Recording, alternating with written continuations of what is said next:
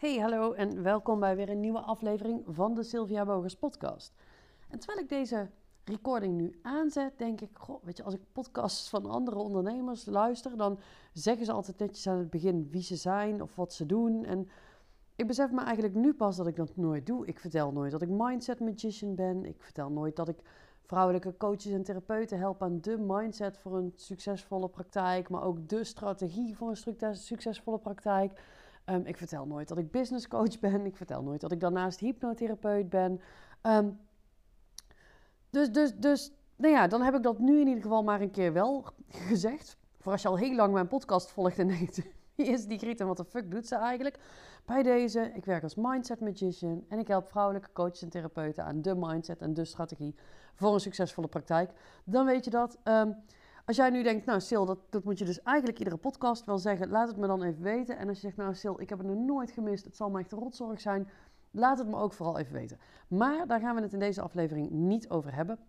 In deze aflevering wil ik het met je hebben over ehm, iets wat mij gebeurde, waar, waar ik eigenlijk heel verbaasd over was en waarvan ik heel even niet zo goed wist wat ik ermee moest en toen heel goed wist wat ik er wel mee moest. Wat er namelijk gebeurde is het volgende. Ik had mijn webinar gegeven en um, nou, wat ik vaak na een webinar doe is dan ga ik kijken wie waren er aanwezig, wie hebben er iets gezegd in de chat, wie zijn er wel en niet ingestapt naar aanleiding van het aanbod wat ik deed. Um, ik stuur wat mensen die in de chat aanwezig zijn geweest, stuur ik nog privé een mailtje om, om nog even in te gaan op dingen die ze gezegd hebben of ze een vraag te stellen of zo. Nou, en ik kijk ook altijd wie zijn er van begin tot het einde aanwezig geweest, maar heb ik niet gezien in de chat. Dat vind ik ook interessant. Nou, en wat ik dan, dan doe, is ik kijk ook even, soms, uh, heel veel mensen melden zich aan met een hotmailadres, met een live adres, met, met een Gmail-adres. Maar er zijn ook mensen die zich aanmelden met hun zakelijke e-mailadres. Nou, dat vind ik tof, want uit een zakelijk e-mailadres kan ik iemands website halen. En ik vind het enorm leuk om te kijken bij andere mensen op de website. Van, goh, wat doe je dan? Wat voor bedrijf heb je? Wie help je nou eigenlijk? Wie ben jij zelf? Want tijdens zo'n webinar, ja, ik zie alleen mezelf en de chat, maar ik, ik zie de mensen aan de andere kant niet. Het is geen Zoom. Ik doe dat in, in Webinar Geek, dat zegt webinar software. Dus, dus ik zie alleen maar mezelf. Dus als ik dan bij websites een beetje kan gaan kijken, hé, hey, wie zit er eigenlijk aan de andere kant? Ik word daar blij van. Nou, zo ook dus um, toen, toen dit gebeurde, ik had webinar gehad en, en ik dacht de dag daarna, ik ga eens even kijken wie zijn er nu eigenlijk van het begin tot het einde aanwezig geweest, wie heb ik niet gehoord in de chat. Um, en toen kwam ik um, bij, bij iemand uit, die had uh, het, website, uh, ja, het websiteadres in de e-mailnaam. En nou, dan ga ik eens kijken op de website. En waarom ik dat ook doe, is omdat ik op een website natuurlijk ook kan zien, heeft iemand dan een ideale klant? Wordt de taal van de klant gesproken? Is het productaanbod helder? Ik kijk ook meteen, hey, waar denk ik dat jij nog kunt verbeteren, zodat ik eventueel volledig ongevraagd daar ook advies op kan geven. Nou, bij deze dame ging ik op de website kijken en op de homepage zag ik al van, oh, je hebt je, hebt, je ideale klant is nog niet echt duidelijk. Ik haal hem er eigenlijk niet uit op wie je nou precies richt. Ik snap niet helemaal wat het probleem is van jouw ideale klant. Dus ik dacht, nou, hier kan ik in ieder geval uh, eventueel ongevraagd advies op geven. En ik klik een beetje door. En ik, uh, ik, ik, ik, kijk wat, even op de Over Mij pagina. En toen kwam ik op de sales pagina. En daar was ik aan het lezen over het traject. En hoe meer ik las, hoe meer ik dacht, deze tekst, die heb ik eerder gezien. Ik denk, die tekst komt me te bekend voor. Tot ik op een punt kwam en dacht, dit is mijn tekst. Dit is gewoon mijn tekst. Niet alle woorden, maar um, duidelijk maar. Ik, ik ben echt naar mijn eigen website, naar mijn eigen salespage gegaan om te kijken. Ben ik nou gek, weet je? Want um, woorden, er zijn geen nieuwe woorden meer te verzinnen. Er zijn geen nieuwe zinsconstructies meer te verzinnen. Maar ik, ik kon gewoon letterlijk zien um, dat, dat dit een kopie van mijn website was. Met op sommige plekken echt maar één of twee woorden aangepast aan haar doelgroep. En verder was het tot, tot een quote die ik gebruik aan toe. Het was allemaal mijn tekst. En ja, daar was ik heel even stil van. Dat ik dacht, oké, interessant. En toen dacht ik, wat ga ik hier nu mee doen? En misschien denk jij wel als je dit hoort van, nou, dat kan toch helemaal niet en wat asociaal. En dat je eigenlijk geneigd bent om heel boos te worden, om, om meteen in de mail te, te klimmen. Misschien denk je meteen wel, juridisch is dit helemaal niet toegestaan en hier moet ik iets mee. Weet je, kan allemaal zomaar. Misschien denk je dat ook wel niet. Maar ik dacht, oké, dit is interessant. Ik kan aan haar website al zien dat haar business niet goed gaat. Um, Dat ze bij mij bij het webinar aanwezig was, daaruit, daaruit kan ik ook al opmaken dat, dat ze geen tonnen omzet. Weet je? Want als je al tonnen omzet, kom je niet naar mijn webinar kijken. Dus, dus ehm, en, en ik weet ook, weet je, want dat zie ik ook bij mijn eigen klanten. Website teksten schrijven is ontzettend moeilijk. Ehm, zeker als je geen ideale klant hebt, zeker als je je productaanbod niet, niet, niet helder hebt, zeker als je niet weet hoe je de taal van je ideale klant schrijft.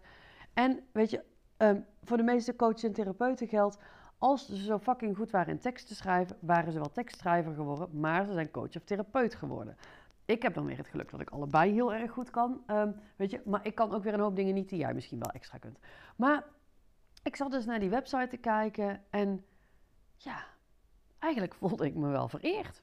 Ik denk, ja, weet je, blijkbaar vindt zij wat ik doe zo cool ehm, dat ze mij als voorbeeld heeft genomen. En blijkbaar vindt ze de manier waarop ik mijn teksten schrijf zo pakkend dat ze die als basis voor haar website heeft genomen. En, en toen dacht ik van ja, weet je, dan kan ik wel boos worden, maar wat heeft dat voor zin?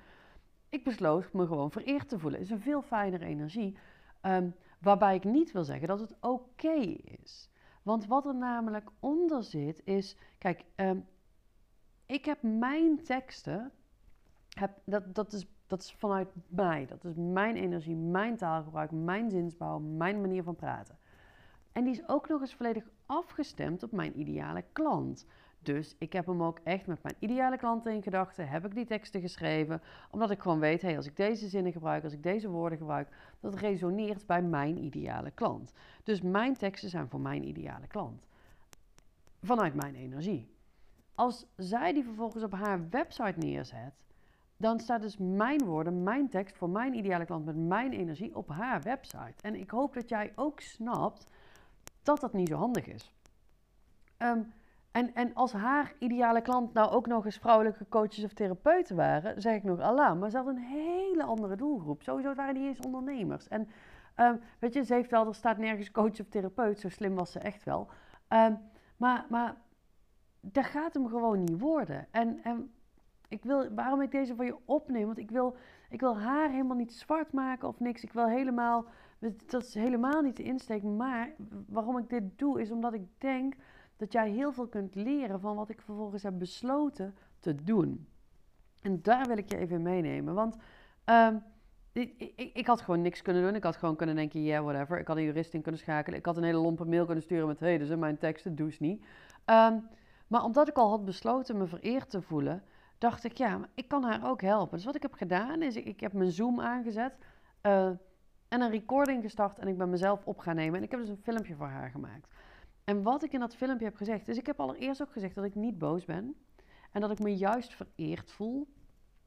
En vervolgens heb ik tegen haar gezegd dat wanneer zij haar doelgroep graag op de juiste manier wil bereiken, wanneer zij haar klanten, zeg maar, dat, dat als die haar website lezen, dat, dat ze wil dat ze beginnen te kwijlen en denken, shut up and take my money.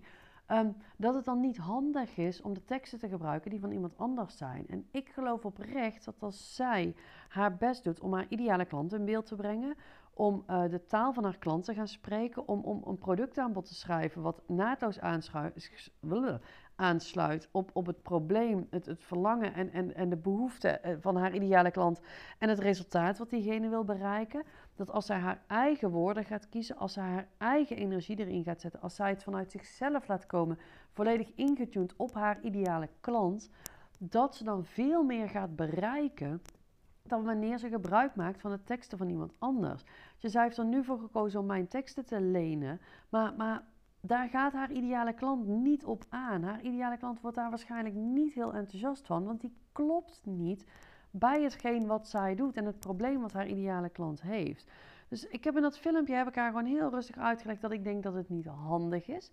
Ehm, en ik heb haar aangeboden om, ehm, of, en ik heb haar aangegeven dat, dat ik kon zien op haar site, jouw ideale klant is nog niet helder, je productaanbod, bla bla, nou die dingen die ik al gezegd heb.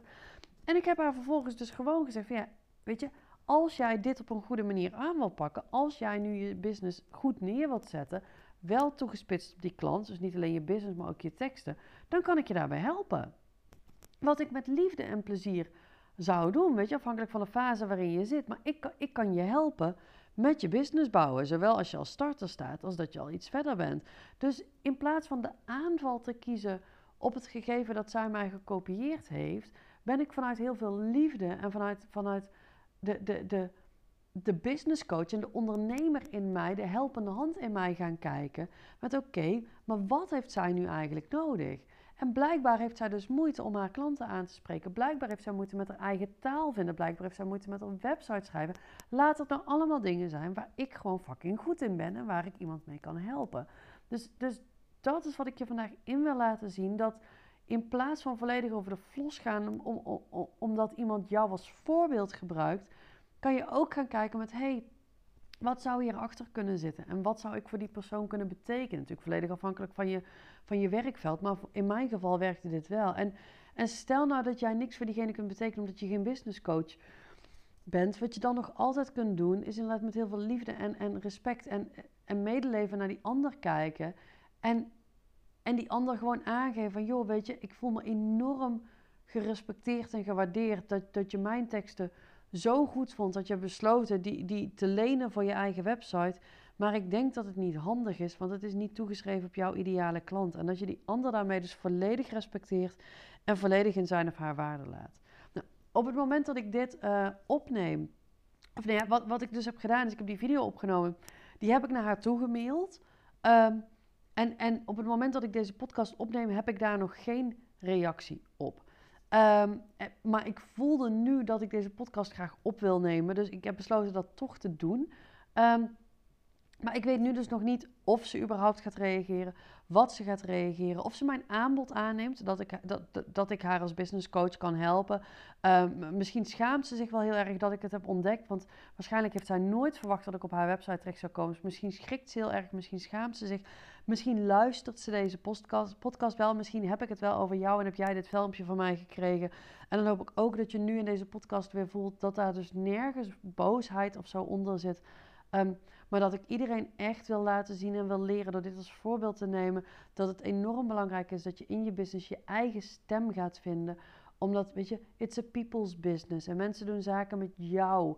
En, en dan mogen jouw teksten ook van jou zijn. Dan mag je je bij laten helpen. Ik help mijn klanten ook. Maar ik zorg altijd dat de teksten geschreven blijven in, in hun energie, vanuit hun vibe, hun woorden en toegespitst op hun ideale klant.